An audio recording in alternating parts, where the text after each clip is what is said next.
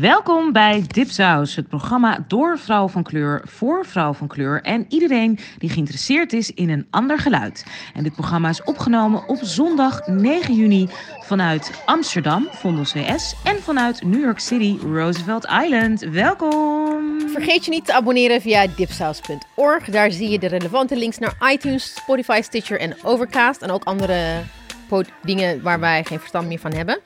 Laat ook alsjeblieft een recensie achter op iTunes. Dat vergroot onze zichtbaarheid. En last but not least, abonneer je ook op onze geweldige nieuwsbrief voor leuke artikelen, winacties, evenementen, playlists. En onze eigen Dipsaus exclusives, essays en recensies. We hebben een uh, recensie geplaatst van um, Seher betekent morgenlicht. Dat is een, we hebben echt een tijdje stilgezeten bij uh, Dipsaus Exclusive. We hebben onze eerste recensie geplaatst. Dus er volgen nog meer. Zeker. Nou, welkom allemaal. Um, we hebben het hartstikke druk gehad met andere afleveringen. De, ja, onze uh, Game of Thrones bonussen en de Rolstool Road Movie. En inderdaad, Ebisa noemde het al. Check, inderdaad, we zijn weer terug. We hebben een geweldige recensie van de Radical Book Club. Er gaat absoluut meer volgen. Dus uh, hou dat in de gaten. Uh, lekker deze zomer voor de goede leestips. Nou, we zijn ontzettend blij. We hebben een ontzettend bijzondere gast vandaag. Dat is Ikram Shiri. Ikram is al jaren actief in de vrouwenhulpverlening. In de vrouwenhulpverlening. En ze is uh, voorzitter van de Marokkaanse Vrouwenvereniging in Nederland. Zij zet zich eigenlijk in om gemarginaliseerde vrouwen te helpen. She is really a true warrior. Dat doet ze niet alleen in Nederland, eigenlijk ook vanuit Nederland hè, is ze, houdt ze zich bezig met de vrouwensituatie, de situatie van vrouwen in Marokko. We zijn heel erg blij dat ze hier bij ons te gast is. Welkom, lieve Ikram. We gaan het met je hebben over je geweldige werk, over de Hirak-beweging in Marokko, over jouw activisme. Um, nou, ik denk dat we een heel fijn gesprek gaan hebben. Je dacht zelf 20 minuten. Nou, dat gaat niet gebeuren. We willen je veel langer. We hebben je bij ons. En muziek, uh, ze wilde okay. ook muziek. Ze wilde ook muziek. Ze dacht, ik zit hier lekker bij Hilversum. Nee. Um, en we beginnen meteen met uh, drie hele intieme vragen, Ikram, ja. of je nou wil of niet. Ja, Want dat vragen wij aan al onze gasten. Wie ben je? Wie, wie ben jij? Hè? Hoe, hoe omschrijf je jezelf? Wat doe jij? En, heel belangrijk, waar woont je huis? Waar ben jij nou thuis? Lieve Ikram, tel eens. Ja, dankjewel Anousha. En uh, de andere dames rechts hier, Abisse, uh, Mirjam, voor, voor jullie uitnodiging. bij dit geweldige podcast gebeuren. Voor mij is het nieuw, maar ik doe mijn best. Uh, waar woont mijn huis en wie is mijn vader, wie is mijn moeder? ja, ik maak het even af. Ja, ik ben de Ikram Shiri. Uh, ja, ik, ik, ik noem mezelf eigenlijk altijd niet zozeer een kind van een expat, maar wel van een migrant. En uh, mijn vader is ooit in de jaren, wat zal het zijn geweest, eind jaren 60 geëmigreerd vanuit Marokko naar Nederland. En ja, uh, goed, ik heb een activistische inslag, een feministische inslag. ik ben dochter, ik ben sinds kort ook oud-tante, is ook interessant.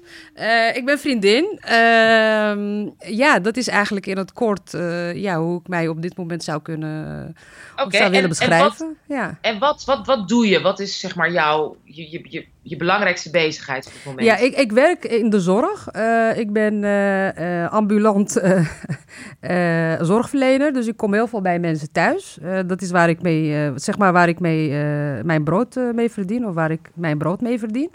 maar daarnaast heb ik ook dat stukje activisme. Dat is met name toch gebaseerd op mijn vrijwilligerswerk, doe, wat ik doe voor bijvoorbeeld de Marokkaanse Vrouwenvereniging Nederland. Daar ben ik nu iets van, ik geloof, 12 jaar of 13 jaar mee bezig. Ik heb heel trouw uh, twee dagdelen per week uh, neem ik vrij om dat spreekuur te draaien.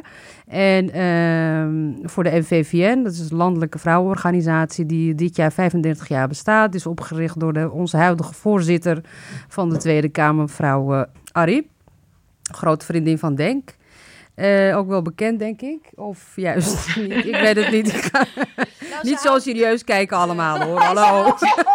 Ze, ze, disciplineert de mannen Ja, precies. Ze disciplineert. Ja, ze zegt ook wel eens, als je voorzitter kan zijn van NVV, kun je overal de voorzitter van zijn. dus ik geloof dat ook wel ergens.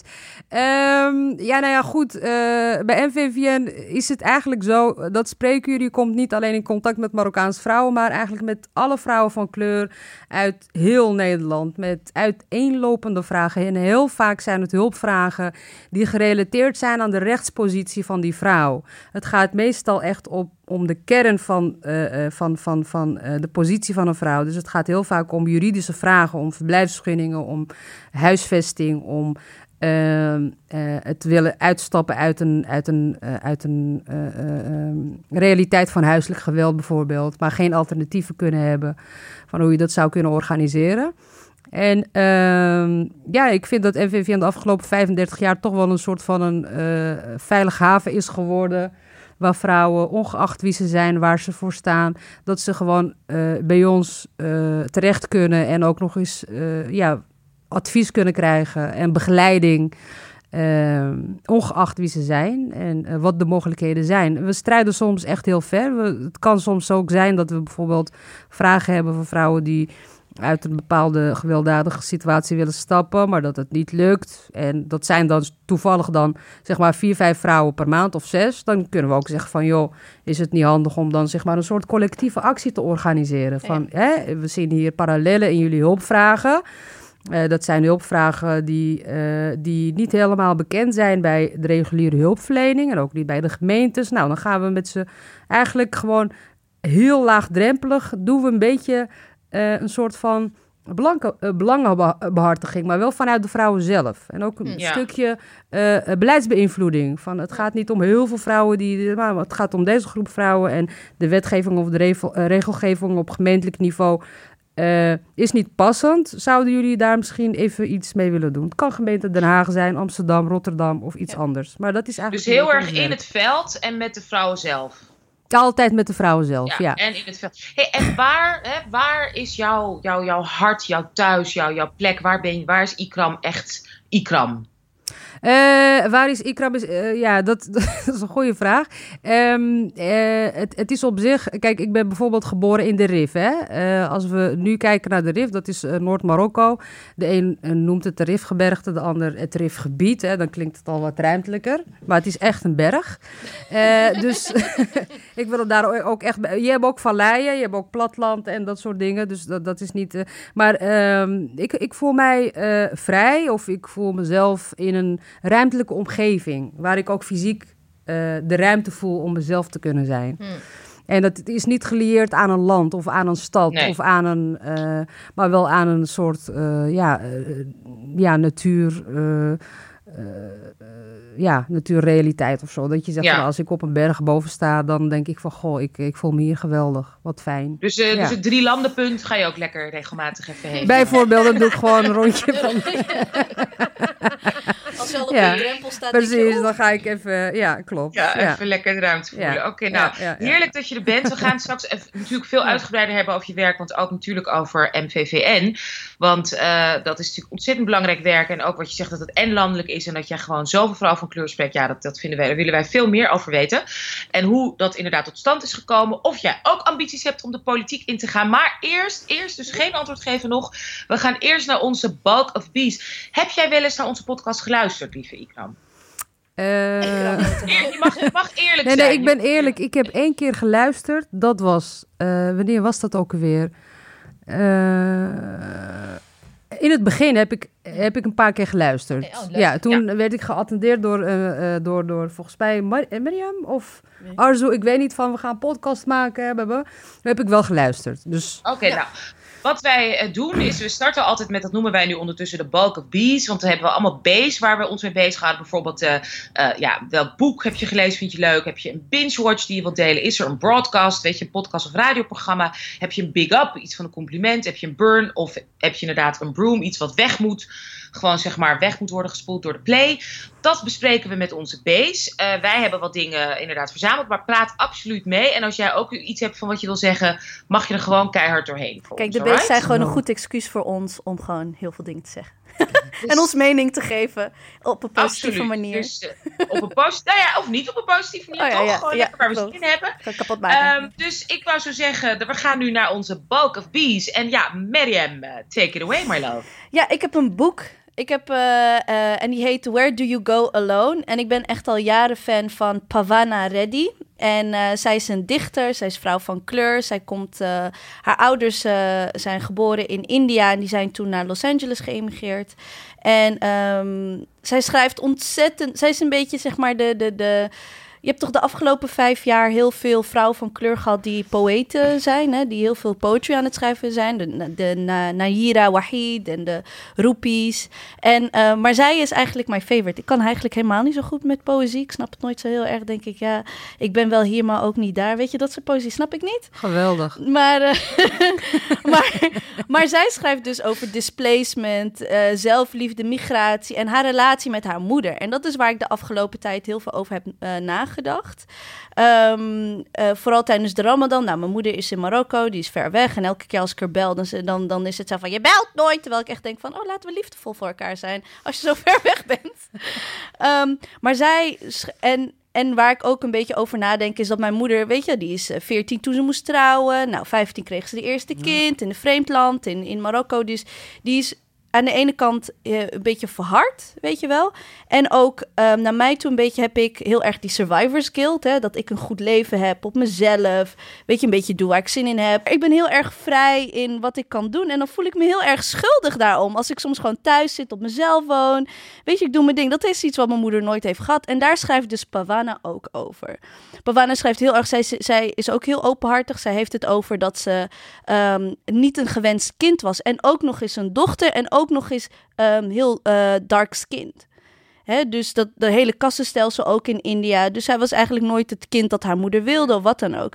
En daar schrijft zij zo ontzettend mooi over. En dan is de maan is haar symboliek van daar kan ze wel naartoe vluchten. En zij zij ziet zichzelf dus ook als een wolf, weet je wel, dat, dat heel alleen. eh, zo, hoe, wat doet een wolf? Auw, hoe noem je dat? Huilt. Ja, ja. Weet je, dus elke, Ja. elk eh, hoofdstuk is dus een, eh, een bloedmaan of een volle maan. En eh, nee, echt super mooi. En dit is haar tweede dichtbundel, want die heb ik al besteld en ik heb hem al helemaal uit. en ze heeft dus een andere, eh, dit is haar, haar tweede. Mag ik een vraag stellen? Ja. Eh, Wauw. Wanneer je een dichtbundel...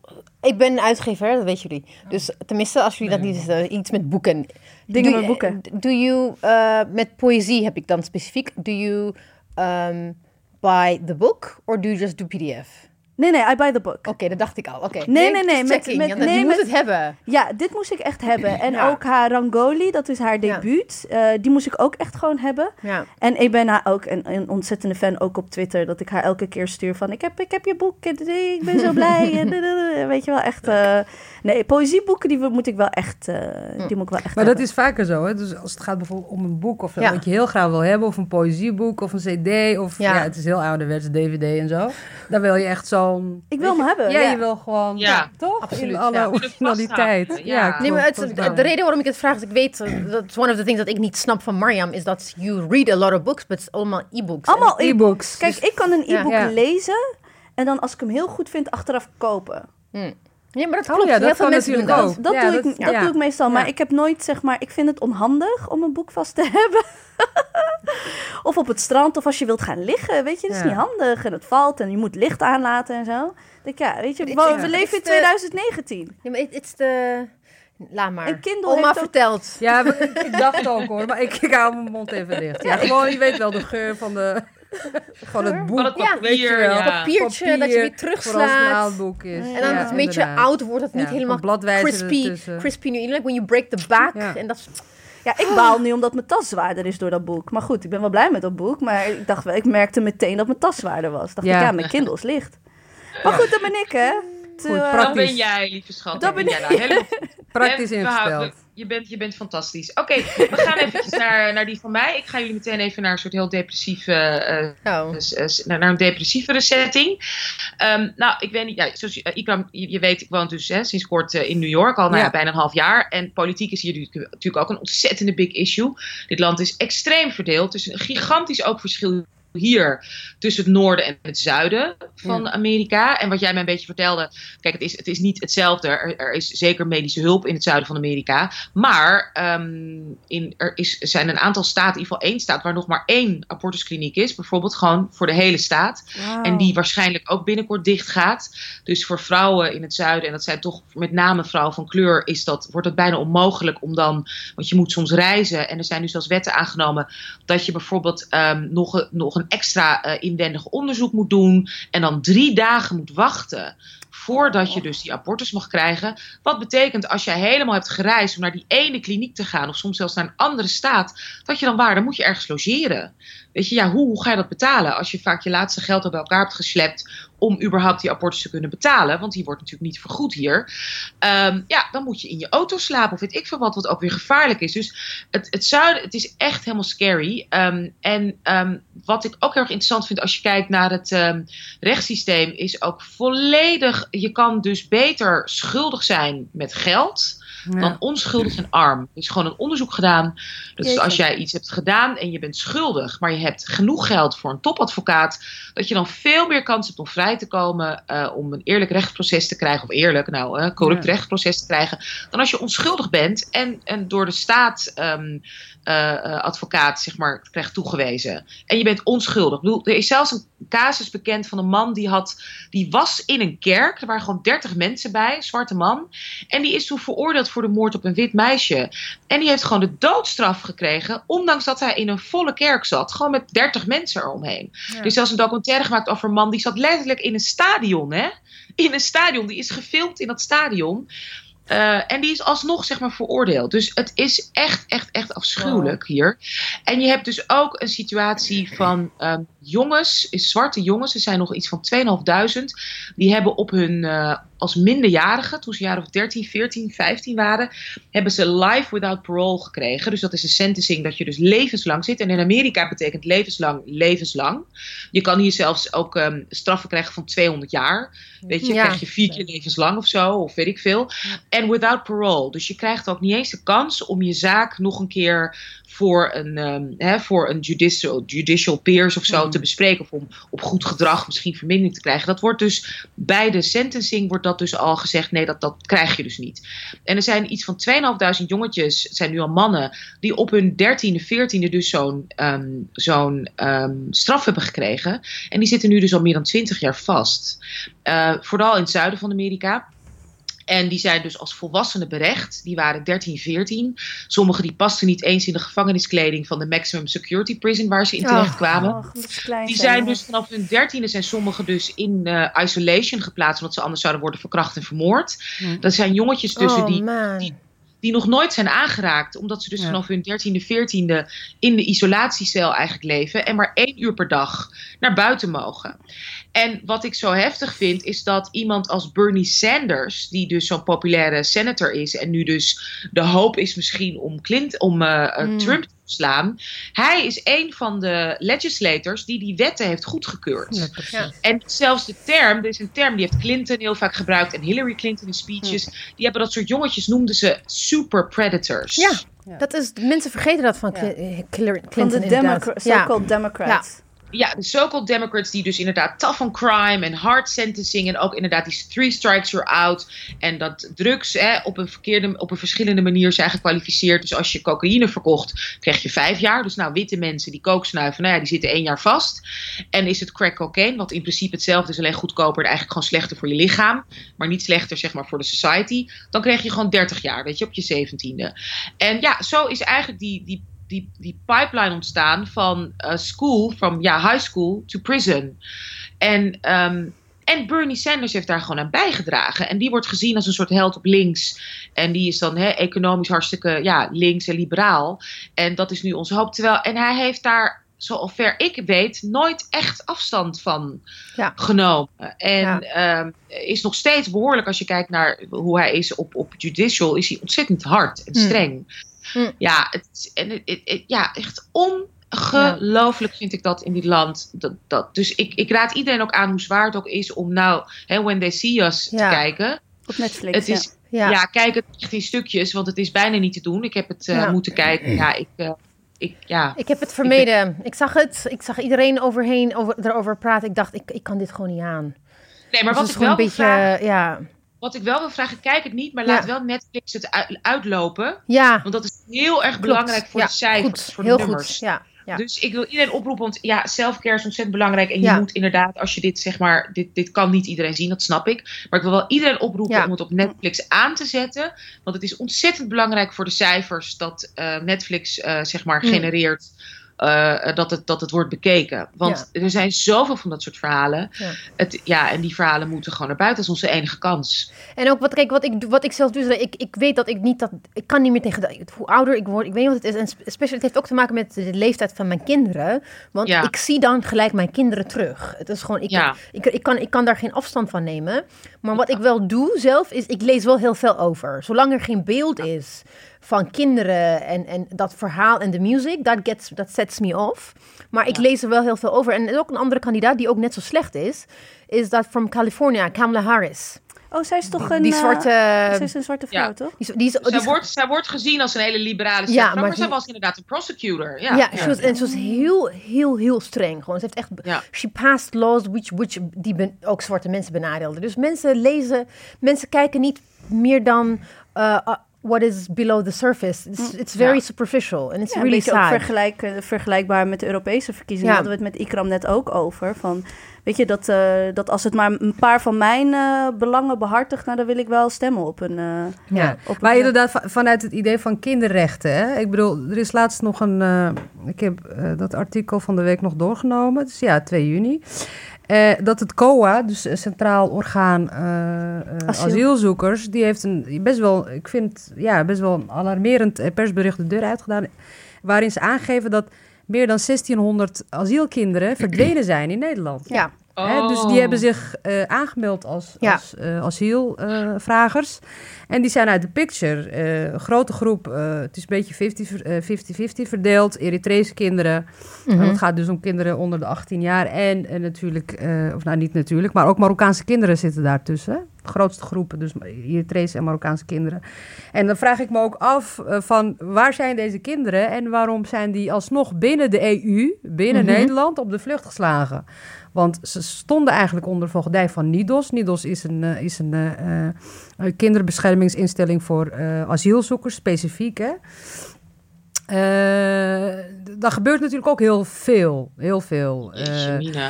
eh, de kinderen krijgen te horen van ja, Eritrea is ve- veilig of Marokko is veilig, jullie kunnen terug. En dat zijn ook kinderen die worden gezien als van ja, dat zijn lijmsluivers, drugsgebruikers en dergelijke. Gelukzoekers. Gelukzoekers. Maar ik ken verhalen van kinderen die op de vlucht slaan, die juist wel heel sterk zijn en heel. Ehm, eigenlijk veel, zich veel ouder voordoen en, zel- en zelfstandiger voordoen dan hun leeftijd eigenlijk aangeeft. Hè? Eh, die een beetje niet op pad worden gestuurd door hun ouders, maar heel vaak gewoon eh, uit eenoudergezinnen komen. Of eh, ze weten van als we in Marokko blijven, dan blijven we daar in Kassa of in Rabat schoenen poetsen, Ja. in de kinderprostitutie. Dus als er een keer een vrachtwagen langskomt waarin we in kunnen klimmen, dan kunnen we misschien een beter leven tegemoet gaan. Oh, mijn god. Ja. En de Marok- Marokko bijvoorbeeld heeft geen verantwoordelijkheid voor deze kinderen. Je hebt, er zijn documentaires, films over gemaakt. Dat is een belangrijk, het is een heel groot issue daar dat land. Maar goed, eh, als het gaat om Marokko, denk ik, ja, ze zijn tot alles in staat. Maar dan denk ik, ja, ze zijn eenmaal in Nederland. Ze staan dan onder Ja. een voogdij van NIDOS. En dan verdwijnen Ja. 1600 kinderen uit de pik. Oh. Ja, heb je dat niet meegekregen, Noes? Nee, Ja. nee, jezus. En het ergste is, ehm, eh, er, werden, er zouden kamervragen gesteld worden. Ik zag het allemaal op Twitter. Ik heb het ja, jammer genoeg niet gewoon bewaard. Ik had het moeten bewaren. Eh, er zouden kamervragen gesteld worden.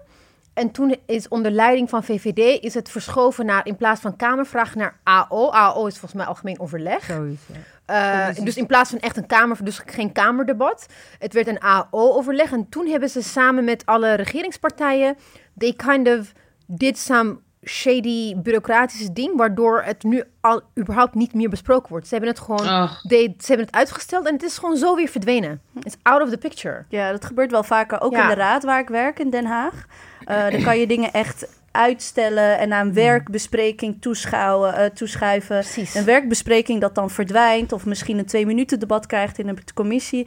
En als er steeds en als je en dat zijn partijen die dan onderling lobbyen van laten we het niet agenderen of laten we niet zeggen dat we of in, in een gezonde stuk of zo sturen. Ehm, en dan verdwijnt het. En dat Ja. kan ook dus ook Maar dat is dus de verdwijning. Alleen dit, dit bericht is eigenlijk... Het verbaast mij niks. Nee, Maar natuurlijk. het, ja. het was wel, Ja. van de week was het wel in een reeks, een soort van, hè, het schooljaar eh, eindigt binnenkort Klopt. of zo, nog een paar zes weken of zo. Eh, is er een, een project, uh, initiatief hier in Amsterdam. Het wordt landelijk uitgevouwen nu, want het was een, ooit een pilot geweest in grote steden. Is dat bijvoorbeeld kinderen die van de, uh, wat is het, van groep 8 naar de brugklas gingen. Mm -hmm. Hè, dat was een te grote ja, ja. omschakeling. En er zou wat meer begeleiding op moeten gaan zitten. Dus de overheid heeft daar heel veel geld voor vrijgegeven om, om die, die begeleiding voor sommige kinderen goed neer te zetten. Nou ja, fantastisch. Ik vind het ja, heel goed. Maar en gewoon twee bladzijden daarna lees je dus over deze kinderen. En het is gewoon een totaal andere dimensie en een hele uh, andere manier waarop wij dus met kinderen, of tenminste over, over kinderrechten denken en het welzijn van kinderen. Dat we wel met twee maten. en, en, en, wie, en wie als kind gezien en, en erkend wordt en wie niet. Want kennelijk als je asielzoeker bent, dan, dan is het allemaal irrelevant. Je geluk en your, your, your well-being is not relevant. Dan wordt het gewoon zo'n kamerdebat weg, weggemoffeld. Ze zeggen ook heel vaak, en dat was toen ik met statushouders werkte, zeiden heel vaak, ja, als een jongen van 15 hier naartoe kan vluchten, ja, dan kan, dan is toch gewoon, uh, dan kan hij de rest van zijn, dan is hij toch eigenlijk zo'n beetje volwassen. En dat is ook in, in Amerika, waarin zwarte jongens gewoon veel zwaarder berecht worden, omdat die gewoon worden gezien als, het is alsof kinderen van kleur gewoon geen kinderen zijn of zo. Nee, het, het, het, is onderzoek gedaan dat kinderen, zeker meisjes van kleur, worden vanaf hun negende mhm. al niet meer gezien als kinderen. Het is echt stuitend. Het is ontzettend stuitend. Ik wilde nog zeggen, dus dit was inderdaad, nou ja, duidelijk mijn broom voor Bernie Sanders. Maar ik wil toch ook een kleine big up geven. Ja, ik, sorry, ik ga het toch doen voor Kim Kardashian. Want zeker in dit land, wat zij nu doet met mensen die inderdaad uh, uh, verschrikkelijke sentencing hebben, is echt ongelooflijk. En er is nu dus ook een meisje, want we hebben het nog niet eens over vrouwen gehad. Hè? Want de mannen die zijn wat zichtbaarder op een, een hè, want die hebben vaak ja, moeders die ze supporten. Um, maar de meiden, meisjes in de gevangenis en vrouwen, dat is echt bijna onzichtbaar. Klopt. En die krijgen ook zulke zware straffen. En met name omdat ze dingen doen voor mannen, bijvoorbeeld hè, drugs smokkelen of prostitutie. En je hebt hier ook vrouwen die jaren vastzitten voor dat je echt denkt: wat? Voor wat? Um, jonge vrouwen. En er is nu net een meisje die is dus vrijgekomen. Die had, um, Sintoya heet ze. Zij was verkocht door haar, ze was misbruikt al als kind. Haar vriend had haar verkocht voor 150 dollar om met iemand seks te hebben. En die, zij was bang geworden en ze heeft diegene dus, hè, vanuit uit zelfverdediging heeft ze die neergeschoten. En toen kreeg ze dus gewoon levenslang without parole, hè. Dat meisje was, was 15 of zo. Maar die is nu, die heeft 15 jaar vastgezeten. En nu, met hulp van Kim Kardashian, heeft ze dus um, uh, ja, clemency, hoe zeg je dat in het mm -hmm. Nederlands? Ja, clemency. Uh, clemency Pardon. gekregen. Ja. Is ze, ja, pardon, is, komt ze nu dus vrij. Maar na dik 15 jaar. Terwijl ze uit zelfverdediging iemand heeft uh, neergeschoten. Iemand die dus een wapen bij zich had. Dus ja, nou ja, het is, dus dat is nog even mijn kleine big-up in dit uh, verdrietige, verder verdrietige verhaal. Ja. Ja. En, zijn er nog andere bewegingen of mensen of uh, beroemdheden nee, die, ja, die, die nee, bezig zijn, zijn heel, met dit thema? Of alleen, er zijn heel veel bewegingen en heel veel niet bekende mensen. Okay. Ook gewoon om de situatie in gevangenissen te verbeteren, want die is verschrikkelijk. Maar ja, die zijn natuurlijk verschrikkelijk onzichtbaar in Amerika. Het is een gigantisch land, het is bijna 4, 450 miljoen mensen. Dus voordat het naar het zichtbaar is, is er gewoon toch zo'n uh, mooie nepkont van Kim Kardashian nodig. ja, erin om zichtbaarheid te krijgen. Maar weet je, gelukkig doet ze het in ieder geval. Maar dus er is hier, kijk, wat ik zo bijzonder vind aan dit land, hoe weinig supporter is vanuit de overheid en hoe mega ongelijkheid hier is. Maar op elke schaal, of het nou op buurt gerelateerd is, straatgerelateerd, wijkgerelateerd, kerkgerelateerd, geloofgerelateerd of hoe het dan ook. Hè, er is ontzettend veel, zijn hier organisaties, belangen, behartigers, uh, weet je, op straat, zowel rijk als arm, die dus inderdaad continu bezig zijn om te strijden. En dat, dat, dat heeft het voordeel dat er heel veel energie is, maar het heeft ook een beetje ergens het nadeel van, ah, we kunnen het dus zelf oplossen, er is geen wetgeving hmm. nodig. Hmm. Ja. ja, ik wilde even aanvullen op jouw big up van Kim Kardashian. Dus ik wilde, het iemand die ik volg al heel lang op Twitter. Ze woont in New York en I'm hoping that one day you're gonna meet her, uh, Anusha. Ja. It's prison culture heet ze, op Twitter. Ze heeft inmiddels uh, meer dan 130k volgers. Zij doet dit, wat, precies wat je zei, vanuit grassroots... Um, um, het, het, het, het, mensen bij elkaar brengen om vooral echt over de prison industrial complex te agenderen. Ik, zij is een van de, de, de meest prominente die ik ken op Twitter. Dus prison culture, iedereen volgt haar. En yes. Anusha, meet her. yes, I want to. Hey, Epice, maar daarover gesproken. Dus nou, mijn uh, B, dat waren mijn mm. twee B'tjes. Hoe zit het met jouw B's? Ik heb een heleboel B's. maar I've got a lot of bass. maar ik ga het even kort houden. Ik wilde wel even echt toch wel stilstaan hierbij. Ik heb één soort van big up, een sarcastische big up, maar toch een big up. Eh, we zijn dus achtergekomen, wij, wij van Dipsaus, dat de zogenaamde belangrijkste denker des vaderlands volgens anderen, Bas Heine himself, Was hij luistert, luistert naar Dipsaus.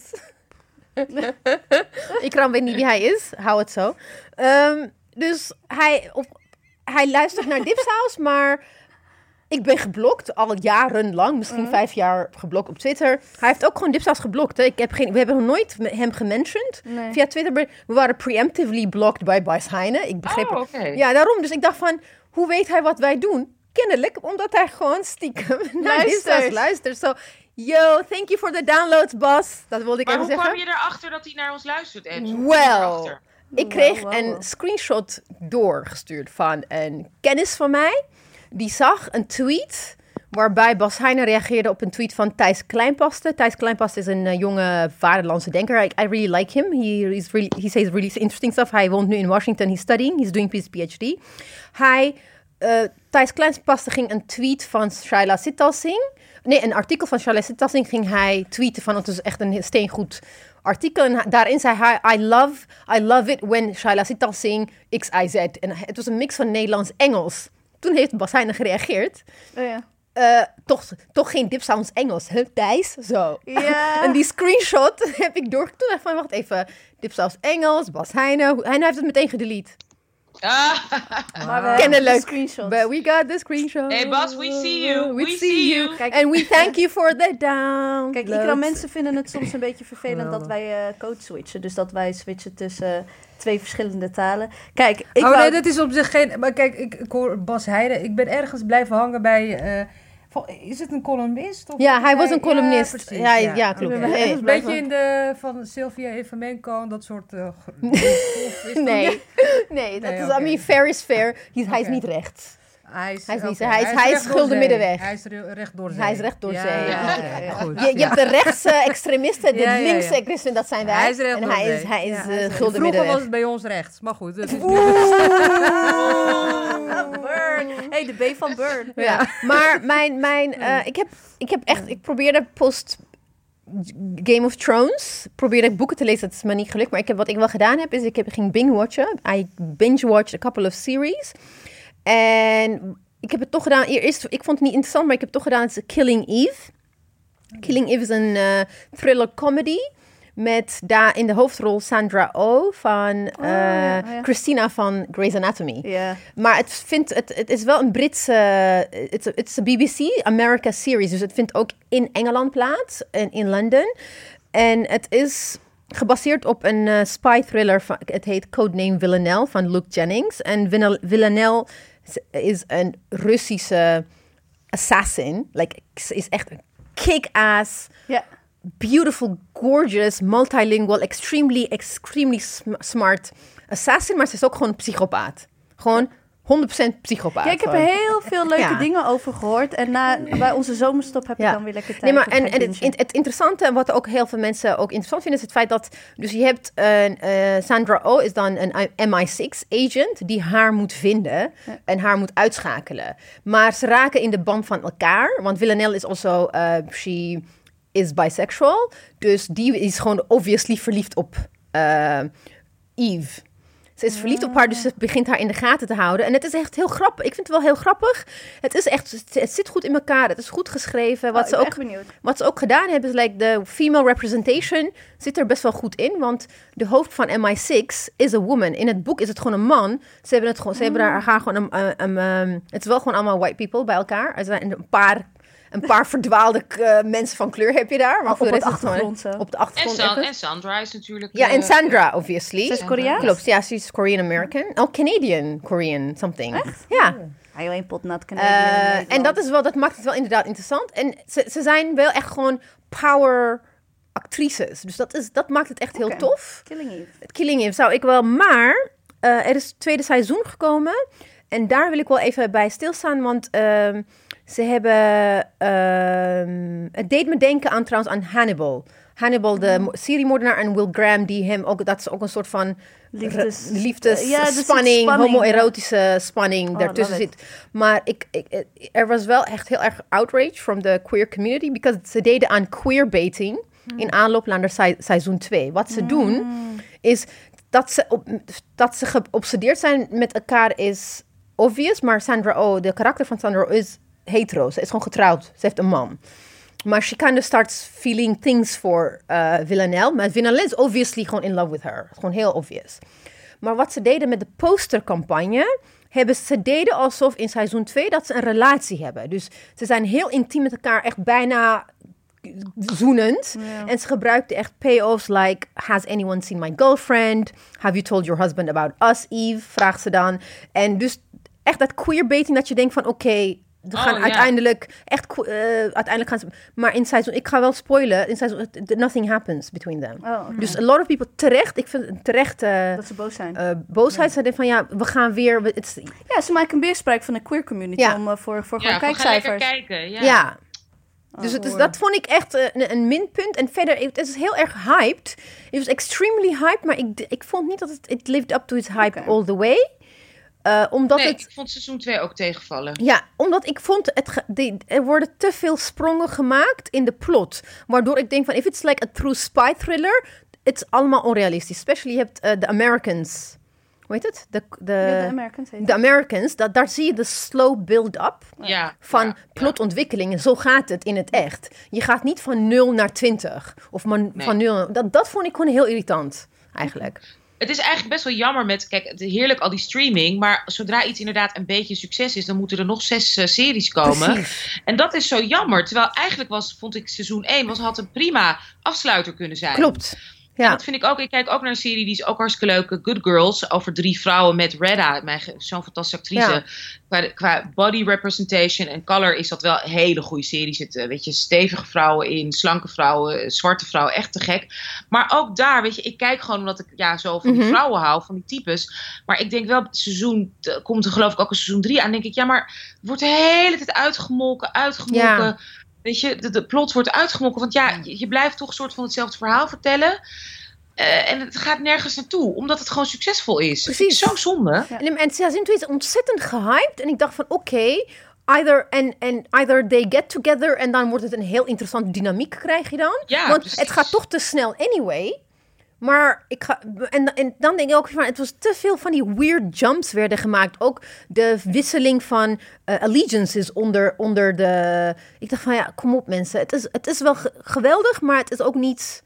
Zoals wij weten hoe spionnen werken. Ja, zoals wij weten hoe ja. spionnen werken. Ja. Ik vind het ook wel zo. En Ikram, heb jij voor ons ook nog een, eh, een, Een tip. Ja, ik, ik merk, ik weet niet of er iets anders is dan Netflix. Maar eh, ik ben best wel oldschool. Ik heb Videoland. Ja. en eh, daar, ik, ik volg nu eigenlijk, ja, volgens mij deze week is de, het derde seizoen begonnen. eh Handmaid's Tale. Ja. En eh, dat gaat over eh, een, eh, ja, dat is eigenlijk een, ik heb hier het hele verhaal. Dat krijg Ja. ik nu van jullie gestimuleerd door, hè? Het is een dystopisch verhaal. Eigenlijk over een, een samenleving waarin vrouwen gedomineerd worden door extreem gedachtegoed van het christendom. Dus hun enige functie is die van dienstbaarheid, dus van het dienstmeisje. En dat ze ook mogen baren en that's it. En eh, ze worden bevrucht of vruchtbaar gemaakt. Of eh, ja, bevrucht. Ik weet Ja, niet precies bevrucht. wat het is. Bevrucht. Blessed be the fruit. Ja, precies. Ja, dat. Door een of andere kerel. Misschien is dit eerder hier besproken. Maar dat Ja. wordt dus... Ja, het is eerder besproken. Ja, in maar ik wist deze- niet dat seizoen 3 begon, dus ja, go dat- nee, ahead, dat do is it. het niet. Ja, nee, nee, goed, dan ga ik absoluut. niks meer introduceren. Ja.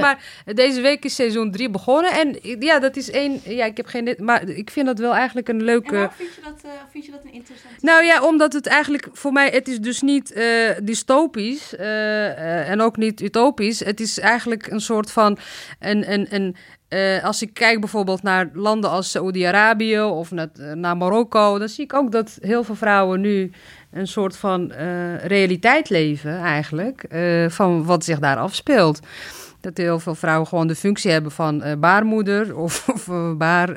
eh, ik weet niet, hier Siali zei een keer barenfabriek of zo, heel onaardig. Maar ehm, eh, dat, dat is heel erg herkenbaar. Het is dus niet, eh, ja, het is Nou, niet eh, zo Als, als het aan Siewert van lijkt. Linden ligt, is, gaat het ook in Nederland gebeuren. Want hij heeft iets getweet over vrouwen, wat we wel en niet kunnen. Ja, vrouw, Siewert, ik weet niet wie het is, maar ik zag het op Twitter. Zwee- Zweebert zeggen mensen. Zwebert, die Ja. zei dus van, eh, ja, eh, vrouwen die, gaan, die moeten niet in de construction werken of in de bouw, want het is niet goed voor hun eh, bekken. We Nee, hij heeft letterlijk gezegd, niks seksisme, onder andere jullie bekkenstelsel is gewoon kwetsbaarder. What the, what the flipping hell? Ja, het kan in die zin zo kwetsbaar zijn dat ze zo'n kwetsbaar figuur op de wereld hebben gebracht. Dat kan, hè? Dat, dat de vernauwing op een gegeven moment, weet je wel, bij de hersenen net, dat die bekken toch net een beetje dicht zijn doorgeschoten. Ik, En eh, die zat even in de knel. ja, die eh, zat even in de knel waar je dus dit soort analyses gaat krijgen 40 jaar later. Ja, dat kan. Ja. En, en je dacht dat we maar niet 20 minuten lang zouden praten. Nou, Ik weet niet hoe lang we nu bezig en zijn. Ik wou even zeggen, hier in christelijke omgevingen, bijvoorbeeld de polygamische gemeenschap hier ja. in Utah en zo, en de Amish is, is nou, dat, dat, kan, dat is echt, eh, dat, is hier, dat is hier echt al aan de gang hoor. Mhm. Het is echt heel heftig hier. En dat zijn inderdaad gewoon van die fundamentalistische christenen. ja, die mogen ook geen anticonceptie gebruiken, toch? Nee, nee, maar die hebben ook, zoals de Amish-vrouwen, of inderdaad van die polygamische gemeenschappen, ja, die moeten gewoon zoveel mogelijk kinderen krijgen en zijn volledig dienstbaar. Ja. Werken niet, eh, hebben niet hun eigen, eh, zeg maar, agency. Ja. Ja. Dit, eh, nou, dit waren onze bugabbees. We, we gaan zoveel mogelijk alle links natuurlijk van alles wat we hier besproken hebben en de onderwerpen in de show notes eh, zetten. En ook eh, natuurlijk, we zetten ook altijd wat leuke dingetjes in onze nieuwsbrief. Dus abonneer je op onze nieuwsbrief. Welkom Ikram. Dankjewel. Nogmaals. Fijn, fijn dat je wilde aanschuiven. We realiseren ons echt heel erg goed wat dit voor jou betekent. Want de onderwerpen die we gaan behandelen, waar we het over gaan hebben, is, kan echt nogal gevoelig liggen binnen de gemeenschap. Het is vrij controversieel. Want we gaan het onder andere hebben over de aanhoudende protesten in de RIF, in, de, in het noorden van Marokko, zoals je eerder zei. En natuurlijk over ja, activisme in Nederland. Eh, we waarderen je, we wa- waarderen je aanwezigheid echt, echt enorm, dat wilde ik even zeggen. En eh, ik wil even... even... hard to get, hè? Jij? As you Ik zei, should, ik zei as tegen you should. Ikram, ga je me laten smeken? Eh, laten we beginnen met je werk bij MVVN. Dat is een afkorting voor Marokkaanse Vrouwenvereniging Nederland. Ja. Wanneer zag MVVN het licht? Waarom bestaat het? En wat is jullie kerntaak? Jeetje. Ja, nee, ja. ja het zag het, ik was er niet bij, eh, maar het was in Het 1982. werd gebaard. Ja, het werd gebaard. Goede ja. bekkenstelsel. Ja, goede bekkenstelsel. Geen gebrek aan eh, zuurstof. Dus het is, ja. Eh, het is soepeltjes gegaan. Ja, nou ja, goed. MVV in 1982. Dus eigenlijk in, in een soort van... als je kijkt naar... ehm, het is ontstaan vanuit het CMAN. Dat is een comité voor eh, Marokkaanse arbeiders. Dat is een wat radicalere, linkse, progressieve arbeidersbeweging geweest. Die voor heel veel ehm, migrantenrechten heeft gelobbyd. Hier ook in, in Nederland. En bijvoorbeeld een, eh, een, eh, iemand die daar ook heel veel in heeft betekend is Mohamed Rabba. Mm, Dat ja, vind ik wel belangrijk om Ja. dat ook te benoemen in ons eh, collectief, eh, beperkt collectief geheugen. Eh, dus dat, dat is, ja goed, dan had je natuurlijk een club vrouwen binnen die beweging die dacht op een gegeven moment, nou, het is wel handig als wij een eigen organisatie Hmm. kunnen oprichten. Dat hebben ze ook gedaan. In 1982. En dat was eigenlijk een beetje in de piek van migratie van, eh, van Marokkaanse arbeiders naar, eh, naar Nederland. Ja, veel gezinsherenigingen Veel ook. Dus veel kwamen dus ook hier eh, naartoe. ja, gezinsvorming, eh, veel vrouwen, kinderen, et cetera, et cetera. Dus dat is eigenlijk een beetje de achtergrond. Hmm. ja. Wanneer zijn jouw, even een side note, wanneer zijn jouw ouders? Mijn ouders, mijn vader heeft een paar pogingen naar eh, Europa gedaan. Die is eh, één keer teruggestuurd. in de kofferbak Ja. ja. van oké, is goed. En, eh, maar hij is in 78 gekomen. Oké. En mijn moeder in 79. Mm. Oké. Ja, toen zei zij hier... eh, Ja, dus dat, dat was eigenlijk een van de eerste lichtingen, Mhm. zeg Ja. maar, hè, vanuit eh, Marokko. Eh, de piek was ook toen, hè? Dus Ja, eind jaren klopt. 70, begin Mhm. jaren 80. Ja. En dan kun je wel voorstellen, vanuit de NVV, dus in 82 had je gewoon heel veel Ja. hulpvragen. Mensen Ja. die ook eh, ja, tegen verschillende dingen aankeken. Ja. Of tenminste aanliepen. Eh, dat is eigenlijk het ontstaan van, eh, van, van NVVN. Maar ook wel, dat had ook wel met Marokko te maken. Eh, eh, zeg maar, de, de, de, de identiteit van die vereniging was ook niet traditioneel, zeg Mm. maar, in vergelijking met wat zich hier afspeelde omdat eh, wat ik heb gelezen, tenminste in de, in de verslagen en dergelijke, is dat het toch wel een beetje eh, getrokken werd door, door studenten Mm. eh, die ook in Marokko hadden Mm. gestudeerd. Ja. eh, die ook daarin, zeg maar, in de studentenbewegingen Beweging. bewegingen zaten. Veel communisten ook. Eh, hè? veel links, veel Links, communistisch. E- echte links. Echte, echte ja, links. dat Dit was toen links. Ja, links. precies. Ja, ik weet niet. ja, mag ik, ja, Niet GroenLinks, nee. Nee. Oh, burn. ik weet het niet. Maar goed, dat was toen eh, ja, links. Hè? ja, wanneer ben je actief geworden? In, bij- bij- Ik ben actief geworden. Poeh, jeetje, dat is nu echt. eh, ik denk 2000. Nee, 2000. Even kijken. 2000. Hmm, oké. eh, Vijf, zes. Wauw. Ja. En, kom jij ook uit een activistisch, of in ieder geval een actief gezin? Zeg maar, ben je, heb je het de paplepel eh, ingoten gekregen? Opkomen voor, voor anderen, solidariteit, eh, zeg maar. Ja, Ja, op zich. Ja dat, is, ja, dat is wel een beetje zo gegaan. Eh, ik, ik ben in Marokko opgegroeid, zeg maar. Toen ik tien was, zijn we naar Nederland gekomen. Dat is dus in 19... eh, niet ze, ja, tien jaar eh, later. 87. Mhm. Ehm, en, en dat huis waar ik woonde met mijn moeder, eh, we woonden daar eigenlijk nog ook met het gezin van mijn oom. Die zat in Frankrijk. En ik was de jongste van, eh, van iedereen. En eh, zowel mijn neven als mijn nichten en mijn broers en mijn zussen, die waren allemaal politiek actief. Niet zozeer van politiek partij actief, alsjeblieft niet. maar wel in de studentenbewegingen, et cetera, et cetera. En die tijd, zeg maar in Marokko, als je het hebt, voor 87 tot aan, eh, ja, weet ik veel, jaren 60, 70, was best wel roerig. Dus Mhm. je had een, een breed maatschappelijk middenveld van, eh, van studenten, van Mhm. vrouwenbeweging, Mhm. eh, waar zij allemaal eh, zich in bewogen. En eh, ja, Hongerjaren. eh, hongerjaren kwam daarna, die jaren van lood inderdaad. Ja. Dat was allemaal die periode. Dus ik kan me nog herinneren dat buurjongens, ook familieleden direct binnen dat huis, die huissetting. eh, maar goed, dit is misschien wel erg privé. Eh, misschien moet ik daar een keer zelf gewoon iets over schrijven eh, als ik met pensioen ga. Eh, dat, dat, dat, ja, dat, dat neefje, neef eh, en nichten zijn gearresteerd en Mm. meegenomen en eh, opgepakt, veroordeeld, verdwenen. En dat ze pas jaren later... Mijn, mijn levensverhaal, ja, ook dat was mijn moeders echt, kant. dat, eh, ja, mensen. was heel heftig. Dus en die discussies ja, over maatschappij en politiek. Ik heb, ik heb ze altijd eh, bijgewoond. Als, als kind van, eh, hoe oud was ik toen? Weet ik veel, 8, 9, 10.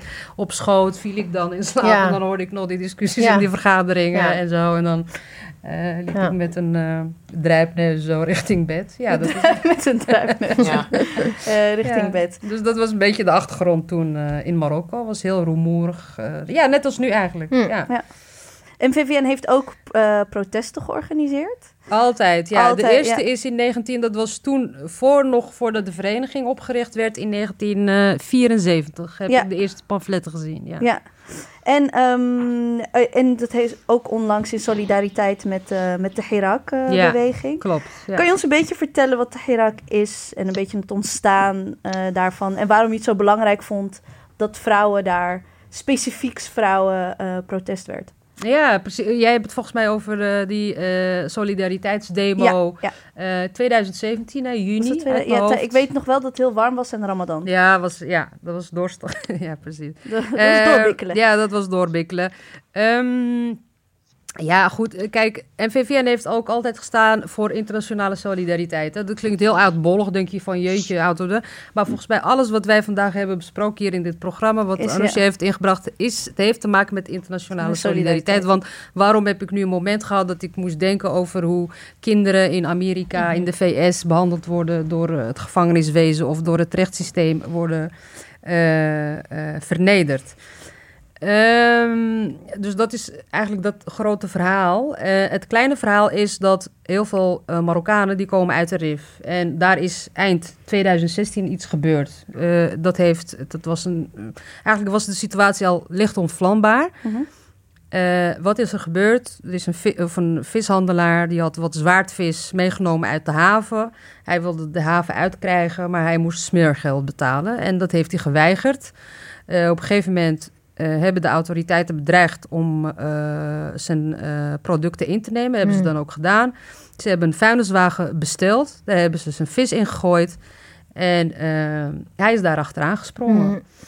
En op het moment dat hij er lag, uh, dat is de tijdlijn die ik uh, heb meegekregen. Als ik iets verkeerds doe aan welke, als luisteraar zijn, die, nou, ik ram dit of dat, dan hoor ik dat graag. Daarna, nadat hij achter zijn uh, vis is gedoken, is er op een knopje gedrukt en is hij vermozzeld. Samen met ja. zijn zwaardvis. Dat hele, die hele discussie, dan zou je denken van ja, nou oké, nou tragisch verhaal in een of ander dorp, in de RIF, uh, et cetera. Maar het heeft ook, het verhaal is groter geworden, omdat het ook te maken heeft met van, het was oktober of november, mag, waarom mag je niet zeg maar in je eigen zee vissen naar zwaardvis? Ja. Dat lijkt mij wel raar, weet je wel. Ja. Het is gewoon, ja, die zee is er. Er zijn, Marokko heeft twee zeeën, Middellandse Zee, Atlantische ja. Oceaan. Ze hebben niet hele grote industriële schepen of... of uh, het zijn veel Marokkaanse local vissers. Ja, local, gewoon simpel. Met vissersbootje ga je op, uh, op, op, op Ja, je gaat in de visserij. ochtend vissen, je verkoopt het om 12 uur voor lunch. En dan ja, dat zit. En de volgende dag ga je weer verder. Maar goed, uh, die zee is eigenlijk volgens natuurorganisaties of milieuorganisaties... dat gebied, met name daar bij Marokko, is eigenlijk al soort beschermd gebied geworden, omdat het leeg is. Ja. Hè? Flora en fauna uh, gaat eraan, uh, et cetera, et cetera. Die quota, dat is gekomen vanuit Europa... Uh, ja. om, voor de Europeanen, in principe mm. niet voor de mensen die daar aan het vissen zijn. Uh, maar goed, Spanje heeft die zee al lang leeg gevist. Dus wat die jongens daar nu vissen, sardientjes of waar, zwaardvis of inktvis of iets anders. Ja, dat is gewoon voor een soort iets. Maar, uh, nou ja, goed, de dood van de jongen heeft heel veel teweeg gebracht in, in, in die regio. Omdat het ook zeg maar symboliseert waar heel veel jongeren tegenaan lopen. Je, zit, uh, je kijkt naar een zee. Uh, 80 kilometer verderop heb je Europa, heb je de Mm. EU... met alle vrijheden, met alle mogelijkheden in hun ogen. En jij zit daar geïsoleerd. Je hebt geen vrijheid van beweging. Je kan niet eens van je eigen, ja. van je, je eigen kan niet, zee, ja, je kan staat, je ja, precies. Ja, ja. In Somalië is het nog erger. Als Ja, je volgens mij gaat vissen, ben je piraat. Klopt. Of zoiets. Klopt, Hoe ja. het? Ja, ja. Ja. Ja, Eh, dus eh, en ja, dat heeft iets gedaan met de jongeren met name en ook met vrouwen. En daar is iets ontstaan wat niemand eigenlijk had eh, kunnen voorzien. Een, een dynamische protestbeweging met, met eh, hele duidelijke allure, een Hmm. hele duidelijke agenda eh, waar je niet omheen kunt. De agenda is heel erg sociaal-economisch, Ja. ook een beetje politiek. Hmm. Eh, we willen basisrechten, we willen een ziekenhuis, we willen een school, we willen... Ik ga niet in, zeg maar... in details, wat ik Hmm. heb gezien aan scholen of wat er is aan ziekenhuizen. Want het is gewoon eigenlijk niet om na te vertellen. Het is Hmm. gewoon. Ja, de enige ziekenhuis die er in El Husima is, is, van de, is nog van de Spaanse leger. Ja, dat noem je ook militair ziekenhuis. Dat werden dus de mili- eh, eh, kolonisten van Spanje die, eh, die daar zaten, die werden daar behandeld. Hm. Ja. Uh, Spitan militair, dat is gewoon Ja. nog steeds die term die daar eh, Ja. gehanteerd wordt. Eh, ja, dat is. eh, Ja, eh, de, de situatie is dus inderdaad, is echt, het is, we hebben het echt over verschrikkelijke ongelijkheid. Hè? Dus basisbehoeftes. Dus het, is- het gaat niet eens zozeer om politieke rechten of economische rechten of sociale rechten. Het begint zelfs, wat ik heb gelezen of gezien, inderdaad bij mega ba- basale rechten. Als inderdaad een school die redelijk begaanbaar is. Een middelbare school is al vaak al onmogelijk. En inderdaad, hè, eh, basis eh, eh, gezondheidsvoorzieningen. Het is echt ontzettend extreem. Maar het woord Hirak, staat dat nog ergens? Betekent dat iets? Staat dat Hmm. ergens voor? Wat betekent het woord Hirak? Al-Hirak in het Arabisch, Al-Hirak is beweging. Eh, movement. Ah, ja. Dus de Hirak-beweging is dubbelop. Eh, nee, ja, Al-Hirak beweging. Ja. Net als naanbrood. Ja, dat Ja. Is, ja, precies. Dat is ook. En, eh, ja, thee, heb je, heb je ete thee? ja, het- Dus ja, de Hirak-beweging. Heel veel, heel veel Ja, beweging. het is officieel eigenlijk Hirak Shabi, hè? dus Ja, een ja. volks, eh, Volksbeweging. volksbeweging. Ja, ik vind het meer een jongerenbeweging, maar het is, ja, het is wel, ja, het is wel Ja. breed gedragen, zeg maar. En Ja. vrouwen spelen dus een grote rol Ja. hè, in, in, in, in Irak. Hoe komt dat? Waarom? Nou ja, goed, eh, wat, ik, eh, wat mij is bijgebleven, eh, eh, 8 maart, eh, viering 2017. Eh, het was voor mij eigenlijk best wel een surrealistisch moment in Arucema. Ik eh, logde in via YouTube op een aantal eh, kanalen, weet je wel. die Ja, werden ja. dan, Waar we le- allemaal zitten in, Ja. in Nederland. En dan krijg je dus dat plein aan Arucema. Dus je hebt dus een provincie met eh, 300, eh, 300.000 mensen. En de grootste vrouwendemo ooit misschien Hmm. is, Ja. ja, weet ik veel, 20 vrouwen, 30 vrouwen die ergens staan met, hè, Ergens achteraan. ergens achteraan. Of, en ik ging, eh, die jongen ging live.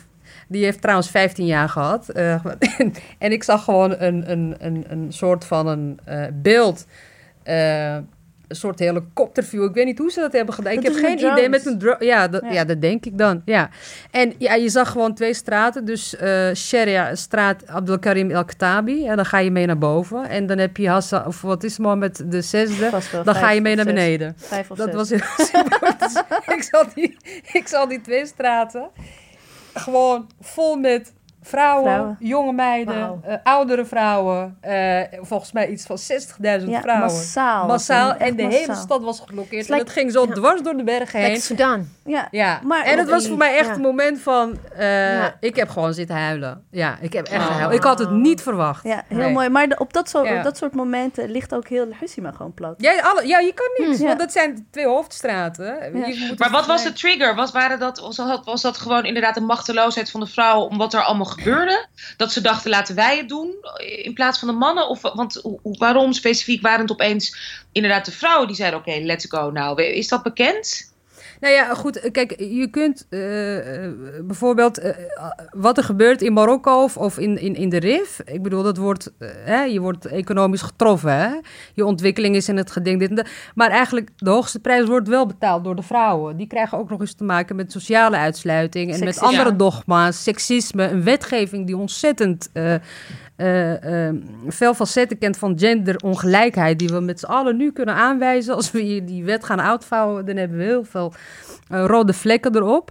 Dus die vrouwen voelden het eigenlijk veel meer dan de mannen. Alleen die hadden Ja, niet die ja. kans om eerder de straat op, op te gaan. Maar de straat is wel een soort van vrijgekomen, ook voor hun, in die, in die toestand van eh, drang naar, de roep naar, naar eh, vrijheid. En ik denk dat ze dat benut hebben dan, eh, dat op dat moment. Zo van, het is nu of nooit. Ja. En het was echt divers. Ik zag kinderen in, de, in, in een Hm. kinderwagen tot aan bejaarde vrouwen. Ja, nee, dat is Oh, echt prachtig. Ik kan Ja. me dat nog ook heel goed, Ja. Goed Ja. herinneren. Ja. Ehm, kijk, wanneer ik meer te weten kwam over... Kijk, ik ben hier geboren en getogen. Ik ben Mm. je de typical Nederlandse Marokkaan. En ehm, ik dacht heel lange tijd in mijn jeugd... dacht ik, Marokko is echt een paradijs. En eh, als ik mijn havel heb, ga ik terug naar mijn eigen land. En eh, Ja. het gaat nu wel goed met Marokko. was niet zoals vroeger, weet je wel. Ja. En, Alles ehm, is beter geworden. alles is beter geworden. Ja, toen ging ik daar eventjes... eh, toen ging ik, daar, ik heb het geprobeerd, hè. Ik, ik ben gewoon gegaan. Ja, ik, ik ken Eh, veel meiden hoor. Die, die dat En toen kwam ik echt gillend terug. Ja. Want ik ging in En een, eh, even voor de duidelijkheid, Marjam, jij komt uit het zuiden, hè? jij komt niet uit het Nee, noorden. nee, ik kom niet uit het, eh, nee, ik kom niet uit het noorden. Ik, wij, mijn familie komt uit het zuiden van Marokko. Ja, net, niet, net boven de westelijke Sahara. Bij eh, Eh, Tata. Tata, ja. Tata, Bedoel je ene Ja. land die... Ja, ik zeg het gewoon hoor. Ja, dat Ik- mag land dat Oh ja, dat ene, geannexeerd. eh, de, de ja. stippeltjeslijn. Ja, De stippeltjeslijn. geannexeerd. Dus dat is PvdA standpunt. Mag Precies, ja. altijd. Ja, stippeltjeslijn. Als je het niet weet, PvdA standpunt. Geannexeerd. Ja, next. Ja. Bij deze PvdA-stemmers. Ja. En ehm, dus daar kwam ik al, ik ging daar in de weeshuis eh, werken en dan zie je eigenlijk al die, die enorme armoede. Ja. Dat ik nooit zag, omdat je dan zes weken op, eh, op vakantie ging. Precies. Ja. En toen begon de 20 februari beweging en toen werd ik actief. Toen dacht ik, hé, hey, wacht even. Als ik er zit te twitteren om Tunesië en Egypte, moet ik dat ook doen voor Marokko? Nou, ook heel veel van mijn familie die gingen meedoen.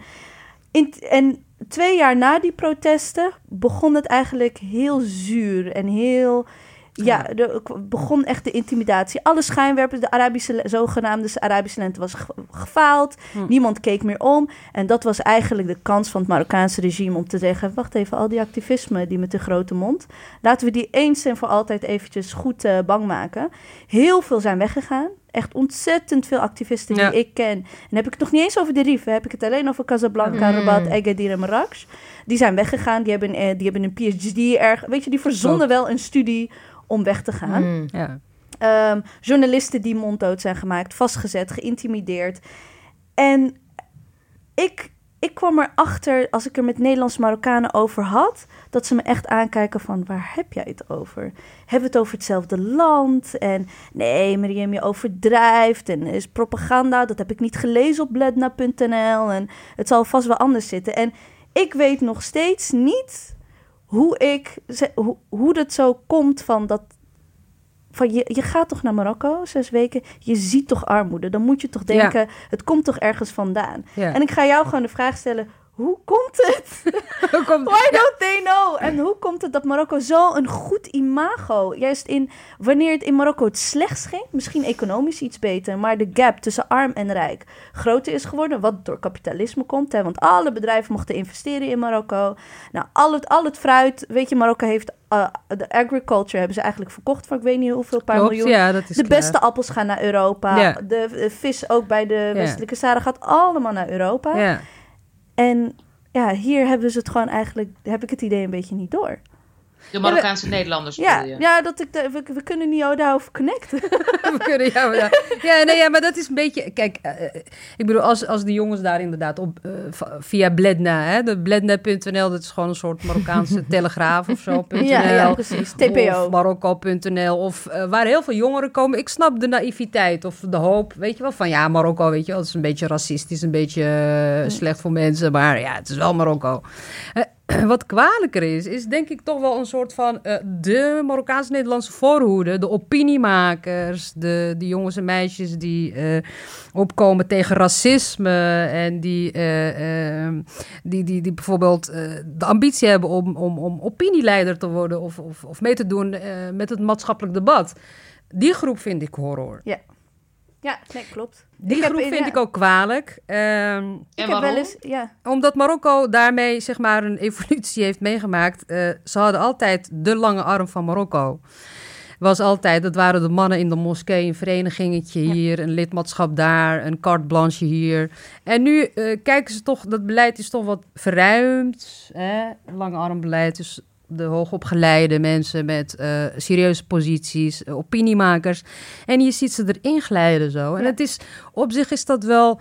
En dat, eh, en dat wordt gedaan ja. via, om aan te vullen, Ikram, dat Ja. wordt gedaan via een orgaan dat gewoon bekend is en bestaat en ingeroepen is. Hè? Dus de soort van eh, belangenbehartiger voor de Marokkanen in het buitenland. Ja, ja. En, de- en, en- ja, Dus helemaal nas- geen Ja. mysterieus. Nee, het Maar is gewoon... door de staat, dus door de Marokkaanse staat, zeg maar... eh, Is dat in het leven Ja, door, door Ja, een is een koninklijk leven, ja. eh, eh, eh, appel, of hoe noem je dat? Besluit, koninklijk besluit. eh, is die groep samengesteld? eh, zijn er adviseurs benoemd? eh, die hebben gewoon meegedaan aan dit hele traject. En het schadelijke daaraan is van... Kijk, ik snap dat je denkt van... Oké, weet je wel, op een gegeven moment is die Hassan twee eens een keer overleden. Dan komt een keer een nieuwe man en hij ziet er progressief uit. Want mogen ze een vrouw die nu trouwens... eh, Verdwenen is. ja, Ja, ze, is, ze, ze, ze wil toch scheiden van hem? Ja, we weten niet. Ik, ik weet niet. Ik wist nooit waar ze zat, maar ik weet nu ook niet waar Nee, ze nee, nee, ze is echt helemaal verdwenen. Ja, van de eh, er picture, gaan, de, ja. er gaan echt... Ja, ook best wel ja, verhalen. roddelverhalen en zo. eh, dat She soort, hasn't been seen for quite a while. Ja, het is gewoon. Maar weg. ik dacht dat het nieuws was dat ze een scheiding had aangevraagd. Ja, Nee. dat, nee, ja, dat Ja, niet officieel. wel. No Nee. one knows. Nee. No. Het enige, ze was best wel een zichtbaar persoon, hè, want Ja. ze had... eh, En best progressief ook. ja, die en, had die eh, allemaal, ja. zeg maar, ehm, eh, eh, gratis klinieken tegen kankerbestrijding. Hè, want haar moeder is overleden op hele jonge Ja. leeftijd aan kanker, Vooral borstkanker. vrouwen en kanker. Ja, ze wel, precies. ja, was en toen opeens was ze voetzie. Dus dat is een beetje... Hm. Ja. Maar ehm, even een vraagje over dat, eh, be- dat, dat orgaan wat je zei. Ehm, Het is een soort van... En do they have links with the Dutch government? Of, of, of met de Nederlandse ambassade daar? Of hoe, hoe werkt dat dan? Nee, ik- het, het, het heeft niet direct link, maar het is een samenwerking. Kijk, Mm. de band tussen Marokko en Nederland is best Ja. wel oud. Volgens Ja, ja, ja. mij 400 jaar of tegenwoordig Ja. Ja, 500. klopt. ik weet niet Ja. hoe lang dat is. Dat is er altijd geweest. Het is een handelsbetrekking geweest ook. Een culturele uitwisseling en dergelijke. Alleen wat, wat we nu hebben is dat, dat, dat, er, dat er opiniemakers zijn... die kritiek hebben bijvoorbeeld over de bemoeienis van Mm. Marokko... met de Marokkaanse Nederlanders bijvoorbeeld... Mhm. Eh, dat, is een, dat, is, dat is die geschiedenis waar je het net over had. De jaren van lood. Mhm. De bemoeienis van jullie. Wij moeten onze identiteit, of Mm. islamitische identiteit behouden. Arabische Mhm. identiteit. Pro-toestanden, koningen en dergelijke. En dat dezelfde historici of opiniemakers. eh, dat in een soort historisch eh, perspectief plaatsen. En dezelfde houding aannemen. Zoals de lange arm van toen Mm. onder het mom van wat er gebeurd is in een historisch perspectief en we gaan nu verder. Want Marokko heeft ons een hand toegereikt en dat moeten we gewoon gaan Mm. eh, eh, accepteren. En dat is denk ik nu de wrijving geworden. Mm. En dat duurt dan denk ik nu wel eventjes een, een poosje. Waardoor, ja, waardoor denk ik heel veel Marokkaanse, eh, ja, met name tweede en derde generatie eh, jongeren Of mensen zoiets hebben van, ja, wat, wat is dit allemaal? Vandaag ben je tegen racisme van, eh, weet ik veel, eh, van mensen van kleur hier in Nederland. En morgen eh, steun je een regime dat eh Sub-Saharanen als beesten behandelt Ja. in het kader van, dat was echt mijn, van dat was migratie. echt mijn issue naar, in eh, 2011 en 12. Ik heb echt in de radio en, ik- en ik denk daar soms aan terug en denk ik, Marjan, wat was je toen al aan het doen op je 22ste? Ja, Echt met volwassen mensen ja. In de radio die mij echt gingen vertellen, ja, maar Ja. de revolutie is een schildpad, moet rustig aan en Ja. schuif aan die tafel. Eh, Ja. Weet je, heel paternalistisch ook naar mij toe van, ja, maar die jongeren moeten wel aan tafel gaan zitten, want anders heb je helemaal geen stem. En ik bleef alleen maar zeggen, Ja. ja, maar die tafel is corrupt. Wat wil je, aan welke tafel moet ik gaan zitten? Er is geen tafel in principe. Kijk, als je Ja. gewoon met je nuchtere hoofd, inderdaad, wat ook in de VS eh, gebeurt, wat Anousha net vertelde, dat jongeren, je wordt voor iets gepakt. Hè? Dus eh, we hebben het nu over de voorhoede van de Hirak. Die is veroordeeld tot 20 jaar gevangenisstraf hè? per individu. Ja. Waarom? Omdat je met een spandoekje de straat bent omgegaan om te zeggen: Ik heb een eisenpakket. Ik wil een ziekenhuis, ik wil een school, ik wil eh, infrastructuur en ik wil een beetje Ik wil geen waardigheid. Ik wil, ja, ik wil waardigheid. Ik wil burgerrechten. Ja. Hè? That's it. Je krijgt er 20 jaar voor. Voor wat?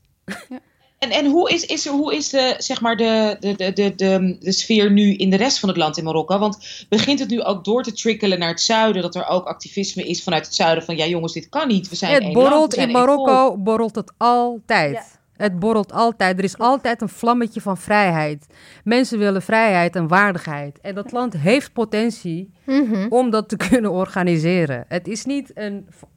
er zijn nog grondstoffen hier en daar. Het is, het is nog niet helemaal. goed. Wat ze nu hebben gedaan is eigenlijk met, met, eh, ja, met, met tanks op, op mieren geschoten. Maar dat, dat is niet de oplossing, want Mm. ze zijn geëxposed. De rest van de wereld heeft het gezien. Amnesty Mm. International heeft gewoon, volgens mij om de twee, drie maanden hebben ze een rapport over. Maar het hoeft helemaal niet op deze Mm. manier. Ja, klopt. Het is wat, hè, zogenaamd Ja. onder het mom van eh, ze willen een eigen staat en ze willen een zus en ze willen zo. Die wil een eigen staat. Als iemand een ziekenhuis eist, Ja, wordt het, ja. Hmm. En dan krijg je 20 jaar cel. precies. En wat Ikram zegt, dat je ziet nu jongeren dus in, in, ehm, in Rabat, toen ik in februari daar was, liep ik echt letterlijk ehm, een studentenprotest binnen. Dus Ja. er zijn heel veel studenten, heel veel wat wij PABO-studenten zouden noemen, die een verbetering willen van het educatieve systeem in, klopt, in, inderdaad. Ja. in Marokko. Ja. En je hebt natuurlijk, kijk, de Hirak ehm, eh, eh, eh, politieke gevangenen zitten in, in Casablanca.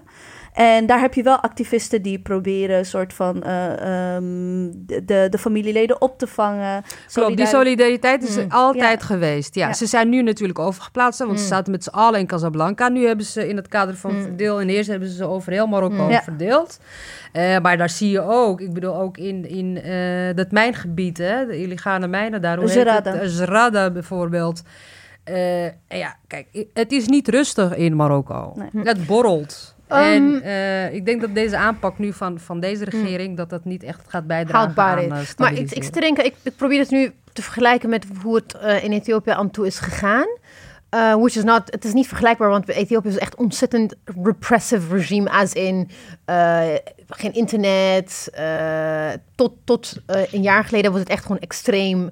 Het was alleen op papier was het zogenaamd democratisch, maar het was eigenlijk gewoon een soort totalitaire staat.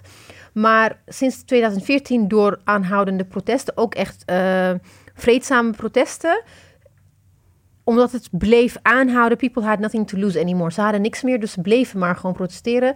Is er een soort van beweging in gekomen? Ook denk ik pressure from outside. Ik, ik- met name, ik denk ook eh, Europa en eh, Amerika, omdat Ethiopië mag niet uit elkaar vallen. Als Ethiopië uit elkaar valt, dan heb je het hele Midden-Oosten, de snowball, snowball effect in, in de Middle East en in de eh, Red Sea.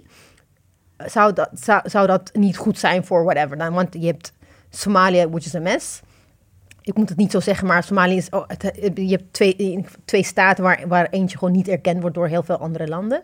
Maar heb je ook niet het idee dat als die protesten aanhouden in eh, Marokko, dat er op een gegeven moment ook de regering denkt, maar ook also like de outside forces denken van jullie moeten wel iets doen. Jullie kunnen niet doorgaan op de manier waarop jullie nu aan het doorgaan zijn. Dat er een soort van Aan de regering bedoel Aan de regering, de dat er een soort van- wordt, ja, dat er een soort gelobbyd wordt ook vanuit eh, het Westen van you, you need to kind of like solve it in a peaceful way? Of denk je van, ik weet het niet.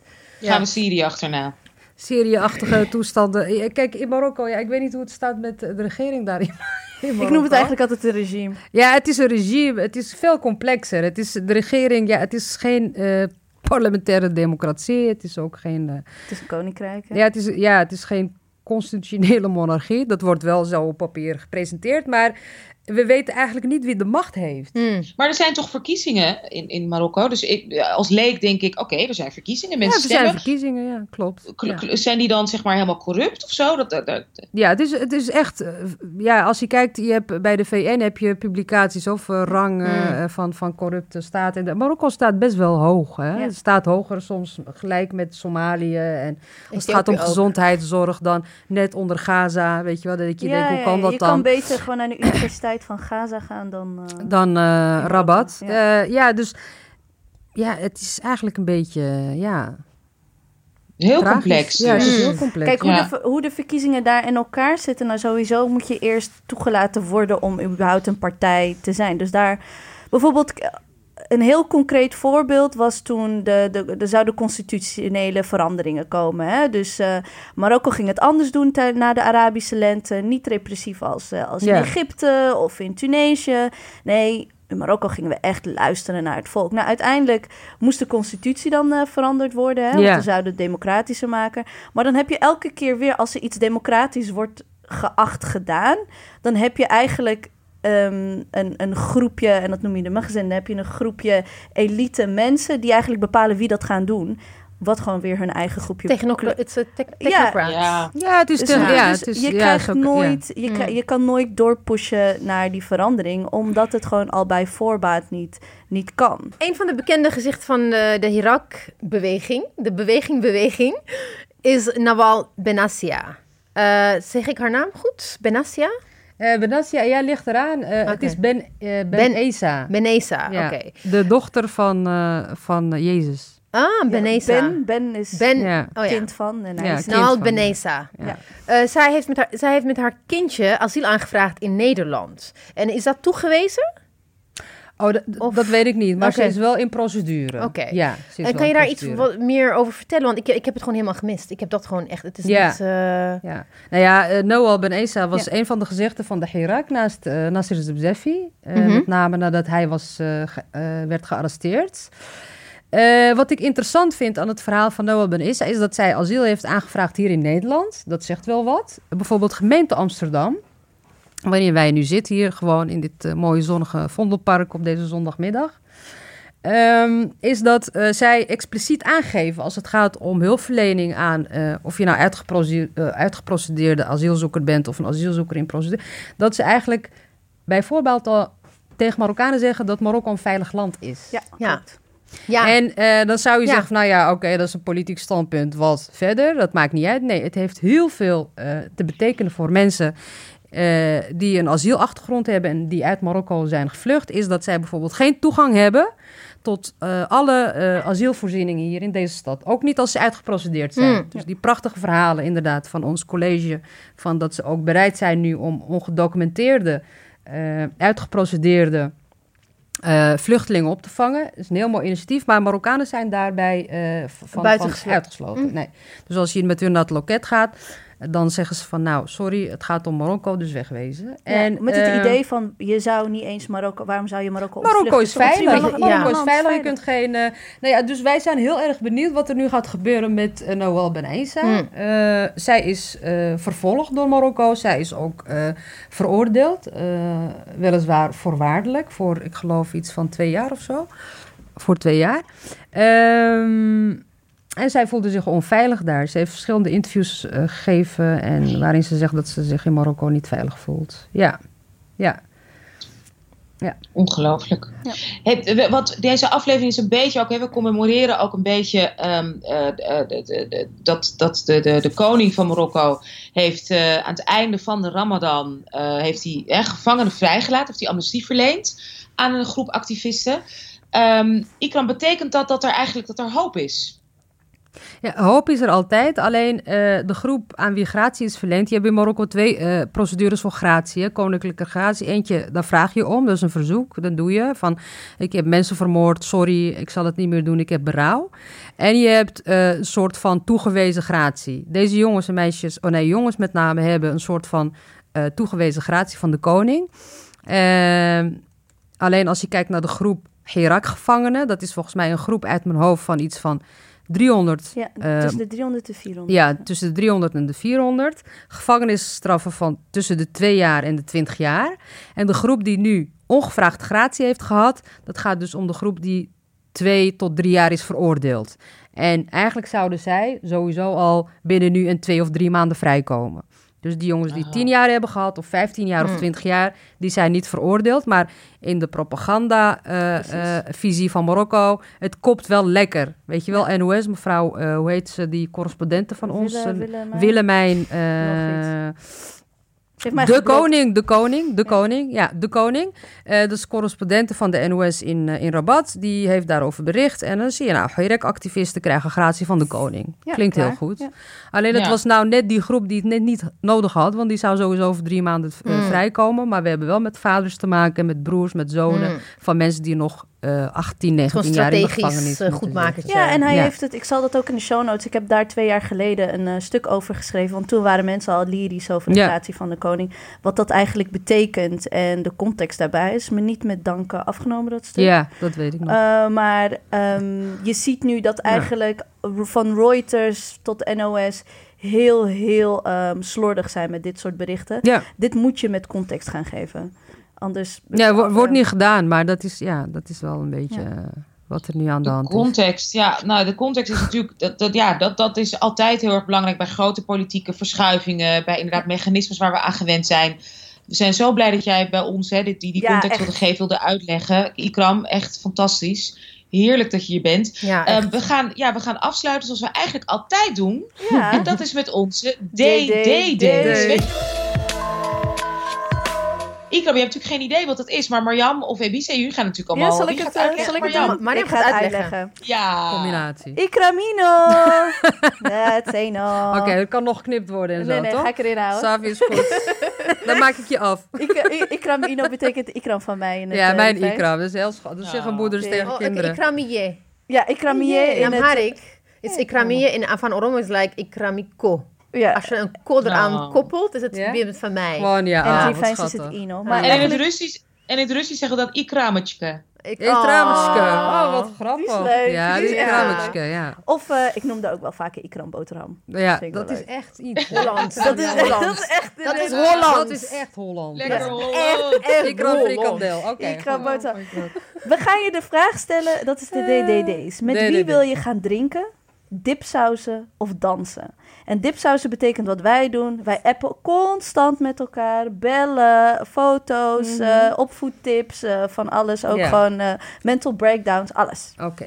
Goed. En ik geef je drie opties en je moet echt gaan kiezen. Mhm. Ja? Met wie ik dus wil gaan dipsausen. Ja, of drinken. Oké. Of eh, dansen. ja, of dansen. Oké. En ook, en ook waarom. We willen En waarom? Oh ja. Ja? Ja, ja, ja. ja. We hebben voor jou Badr Hari. Jeetje, Mirjam. We hebben voor jou Khadija Arib. Zo, oké. Dat is echt... En, en we doen er altijd eentje bij die we echt om, die we leuk vinden. En naar opkijken, Fatima Mernissi. En Fatima Oh ja, is eh, een, van de, ja, Ja. een van de grootste feministische denkers in, eh, in, eh, van Marokko. Femi- islamfeminisme. En zij is helaas vier jaar geleden overleden ongeveer. Maar je mag, in, in, in de wereld van dipsaus leeft ze nog. Dus kies maar, met wie ga je drinken, dansen of dipsausen? Badr Hari, Khadija Arib of Fatima Ja, ik zou eigenlijk... Ja, dat is, het is geen moeilijke keus. Nee? Oh, nou vertel. ik ben vooral benieuwd wat je met Badr Hari gaat doen. Nee, En ik wil... Nee, ik, ik... Ja, goh, Badr Hari, ik weet niet meer wat ik met die... Het is misschien... Is Badr Hari leuk om iets... Dan kan hij misschien iets doen met Khadija Arib. Ik weet het niet. Zet hem steeds uit. Eh, nee, Als zij- is ja, precies. Tijd is Dat zij een soort scheidsrechter is, weet je wel, tijdens een of andere battle van hem. Dat is heel, nou zij oké. zijn coach worden, een Je beetje link- discipline. Ja, precies. Een beetje, ja. Een beetje, maar misschien dat zij iets met elkaar kunnen doen. Oké. Dat kan, ja. Dipsaus, ja, ik, ik weet het niet. Ik, ik, ja, ik vind eigenlijk, ja. Ik zou alles met Fatima Bernisi willen doen. Niet dansen met Badr Hari op een Nee, ik, nee, ik heb hoogtevrees sowieso. Daar ben ik mee begonnen. Ook al hou ik van bergen. Hij is groot, dus het is gewoon... Ik kijk naar Anousha, onze jury. Het is gewoon- Is hij goedgekeurd? Nee, gewoon laat me Ja, alles met Mernissi doen, hem- Ik vind het please. geweldig. Oké. Fantastisch. Je gaat gewoon drinken, dansen, dipsausen met Fatima Merisi. Ja. En dan gaan Badr Hari en Khadija Riep Ja, gaan... iets leuks met Ja. elkaar doen. Ja, toch? Geweldig. Ja, dat Heel lijkt me wel creatief. leuk. Ja. Nou, lieve Ikram, dit waren Eh. onze DDD's. En dit was ook eh, onze dipsaus aflevering. Welke is dat? Is dat weer 42 of zo? Dat is 42. Wauw. Aflevering 42. En dat is niet eens, we tellen dan niet eens onze, onze Bonus. bonussen mee. Dus nou, Geweldig. fijn dat je hier was. Eh, lieve luisteraars, nogmaals, abonneer je op onze nieuwsbrief. Geweldige informatie staan erin. Eh, onze nieuwsbriefcurator Ebize, die ook uitgever is, she does a fantastic job. Echt Ja. geweldig. Ehm, blijf onze website checken. Check ook alsjeblieft ook onze nieuwe recensies van de Radical Book Club. Ehm dipsaus.org is onze site. Mail ons welke gast zie je helemaal voor ons bij ons. Welk onderwerp moet nodig besproken worden. Wat wil je van ons? Wil je ons? Laat het ons weten. Tiptops en vooral liefdesbrieven zijn van harte welkom. Mail ons dus via dipsauspodcast.gmail.com. Hopelijk ben ik er snel weer bij in Nederland, sowieso in juli. Maar misschien Yeah. doen we nog wel even iets snel tussendoor. Nu, we weten het nog niet. Maar in ieder geval van mij dikke zoen vanuit de Big Apple. En dikke kus aan mijn geweldige collega's. En de fantastische Ikram. Ikra! Hey ladies, dank jullie wel hè. Het Ja, was echt, echt ja ik weet niet. je? Ik vind het jammer dat het voorbij is nu. En we willen natuurlijk onze sponsoren bedanken. Dag en Nacht Media, onze lieve loyale partner. En Get die onze nieuwsbrief faciliteert.